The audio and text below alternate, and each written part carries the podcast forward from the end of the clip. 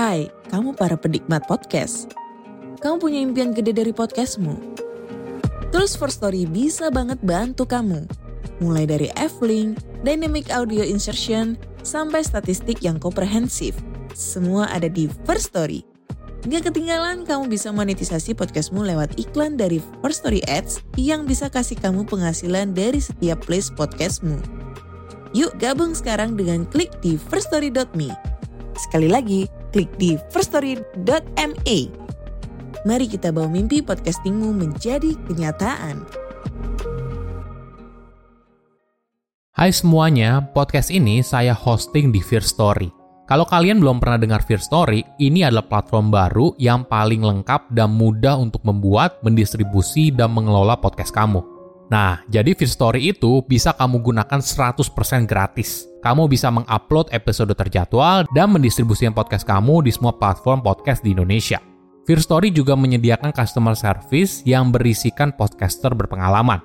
Kamu bisa share podcast kamu tanpa ribet dengan F-Link yang akan mencakup semua link platform kamu dan sosial medianya. Dengan Fear Story Ads, kamu bisa mengakses monetisasi yang mudah dan beneran bisa kamu cairin tanpa biaya tambahan, gak pakai repot. Jadi tunggu apa lagi? Yuk maksimalkan podcast kamu dengan platform hosting dari Fear Story. Daftar sekarang di fearstory.me dan buat podcastmu jadi kenyataan.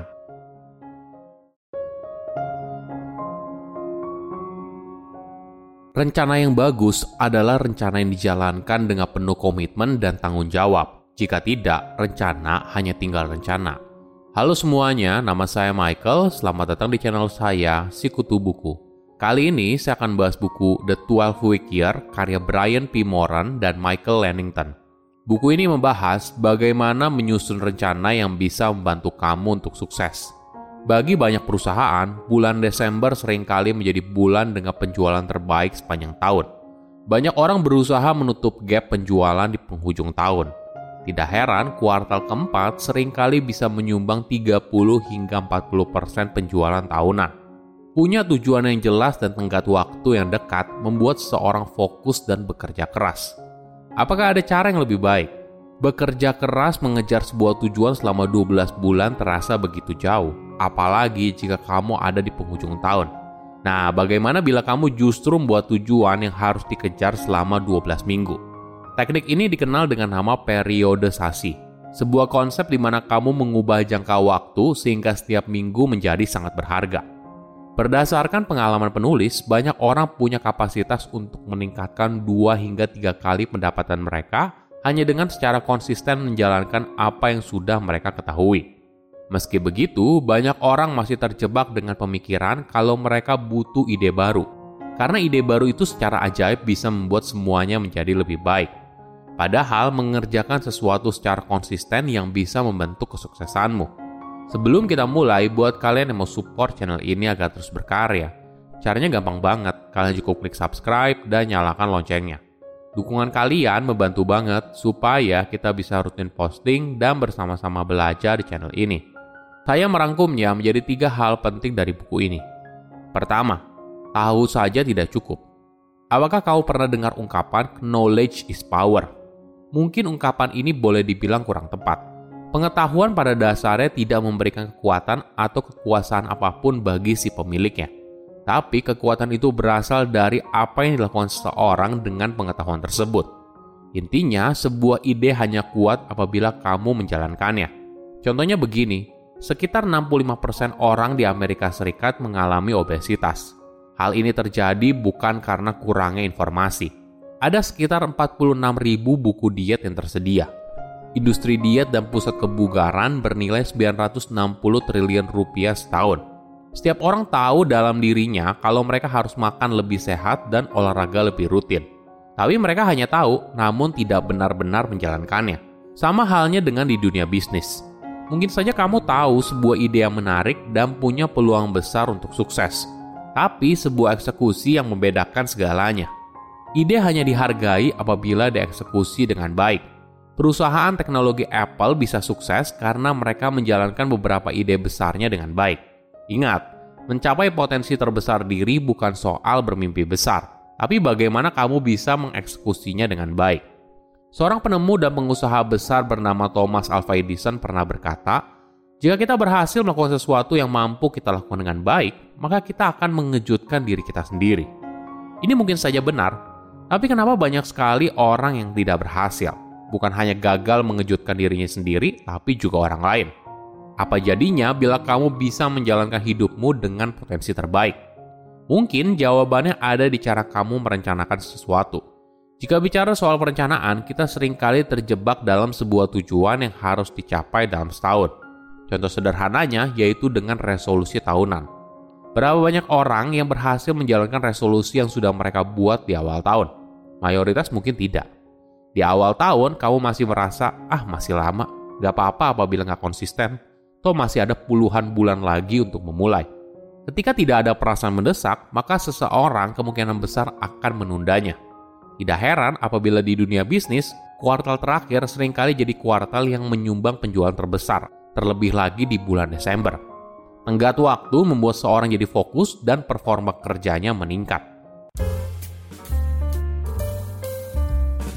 Kedua, alasan resolusi tahunan jarang berhasil. Kenapa membuat rencana untuk setahun sering kali gagal? Mungkin alasannya karena 12 itu terasa begitu panjang, apalagi jika kamu di awal tahun. Alhasil, di awal kamu cenderung menunda. Hingga akhirnya ketika mendekati akhir tahun, barulah kamu buru-buru untuk mengejar target hingga tercapai. Alasan lainnya karena dalam setahun situasi terus berubah. Asumsi yang dibuat di awal tahun saat menyusun sebuah rencana bisa saja sudah tidak relevan lagi di pertengahan tahun. Ada peluang yang lebih baik atau ada kondisi mendesak yang tiba-tiba saja terjadi misalnya krisis dan sebagainya. Nah, kalau begitu, waktu yang sudah kamu habiskan untuk membuat program kerja 12 bulan menjadi percuma. Ketika kamu membuat rencana dalam jangka waktu yang lebih pendek, maka hal ini cenderung lebih relevan. Mungkin kamu butuh cara yang lebih efektif dan efisien. Bagaimana bila kamu menggunakan jangka waktu yang lebih pendek, 12 minggu misalnya? Ternyata cara ini boleh dibilang lebih efektif untuk mendorong produktivitas dan juga kesuksesan. Kamu punya target yang jelas dalam periode waktu yang tidak terlalu jauh dan tidak terlalu dekat. Jadi di satu sisi ada perasaan mendesak, tapi di sisi lain tidak ada kesan terburu-buru. Alhasil kita jadi perlu membuat setiap hari menjadi sangat berharga. Atlet berperforma tinggi adalah beberapa orang pertama yang menggunakan periodisasi. Teknik yang memisahkan satu keterampilan yang perlu dikembangkan, lalu menyempurnakannya dalam waktu singkat sebelum beralih ke keterampilan berikutnya. Tetapi pendekatan yang sama bisa kamu aplikasikan untuk bisnis atau untuk tujuan apa pun dalam hidup. Ketiga, tetap komitmen dalam situasi yang sulit. Memulai sesuatu memang tidak mudah. Menjalankan sesuatu secara rutin tentunya jauh lebih sulit lagi. Tapi perlu diingat, sering kali ketika kesulitan untuk mengerjakan sesuatu, misalnya jam kerja yang sedang padat dan sebagainya, kita tergoda untuk menyalahkan sesuatu yang berada di luar diri. Kita sering kali menjadi korban dari keadaan. Realitanya, ketika kita terus menjadi korban, kita tidak akan pernah bisa mengubah hidup menjadi lebih baik. Apa pun tujuan yang ingin kamu capai, pasti ada masanya ketika kamu berada dalam situasi di mana sulit sekali kamu menunaikan komitmen yang sudah dibuat. Tentu saja, ada masanya kamu berada dalam situasi yang di luar kendali namun kamu masih tetap punya kontrol bagaimana memberikan respon. Ini yang disebut sebagai tanggung jawab. Petinju legendaris dunia Mike Tyson pernah berkata, setiap orang punya rencana hingga mereka dipukul di mulutnya. Analogi ini cocok sekali dengan dunia nyata. Di dunia bisnis atau dalam kehidupan sehari-hari, kita mungkin saja merasakan pukulan dari waktu ke waktu. Permintaan yang melambat, stok yang kurang, karyawan berprestasi tiba-tiba mengundurkan diri, dan sebagainya. Bagaimana cara kita bisa tetap pada rencana awal, terutama ketika berada dalam situasi yang sulit? Mungkin kita menjawab dengan semangat juang dan keteguhan hati. Sayangnya, dua hal ini tidak bisa membuat kita bertahan dalam jangka panjang. Bahkan atlet profesional dunia sekalipun ada masanya ketika dirinya sedang merasa malas latihan tapi tetap berlatih. Kenapa? Karena mereka punya jadwal yang jelas dan pelatih yang mendorong mereka untuk menjalankannya. Tentu saja, tidak setiap orang punya sumber daya yang sama. Tapi yang bisa kita ambil hikmahnya adalah rencana mingguan dan bagaimana membuat kita bisa bertanggung jawab pada rencana tersebut. Dalam periode rencana 12 minggu, aksi nyata juga terus dibagi detail per hari beserta target yang harus dicapai. Setiap tugas yang dikerjakan seharusnya mendekatkan kita pada tujuan yang kita inginkan. Ingat, kita tidak bisa sukses sendirian. Kita butuh orang lain yang membantu kita. Jadi, ketika kamu punya orang lain yang saling mengingatkan tujuan besar yang harus kamu capai, maka hal ini membuat kamu jadi bertanggung jawab. Tidak heran ketika seseorang ingin mulai berolahraga, ikut sebuah komunitas olahraga memberikan hasil yang lebih baik daripada hanya berolahraga sendirian. Silahkan komen di kolom komentar pelajaran apa yang kalian dapat ketika baca buku ini. Selain itu, komen juga mau buku apa lagi yang saya review di video berikutnya. Saya undur diri, jangan lupa subscribe channel YouTube Sikutu Buku. Bye-bye.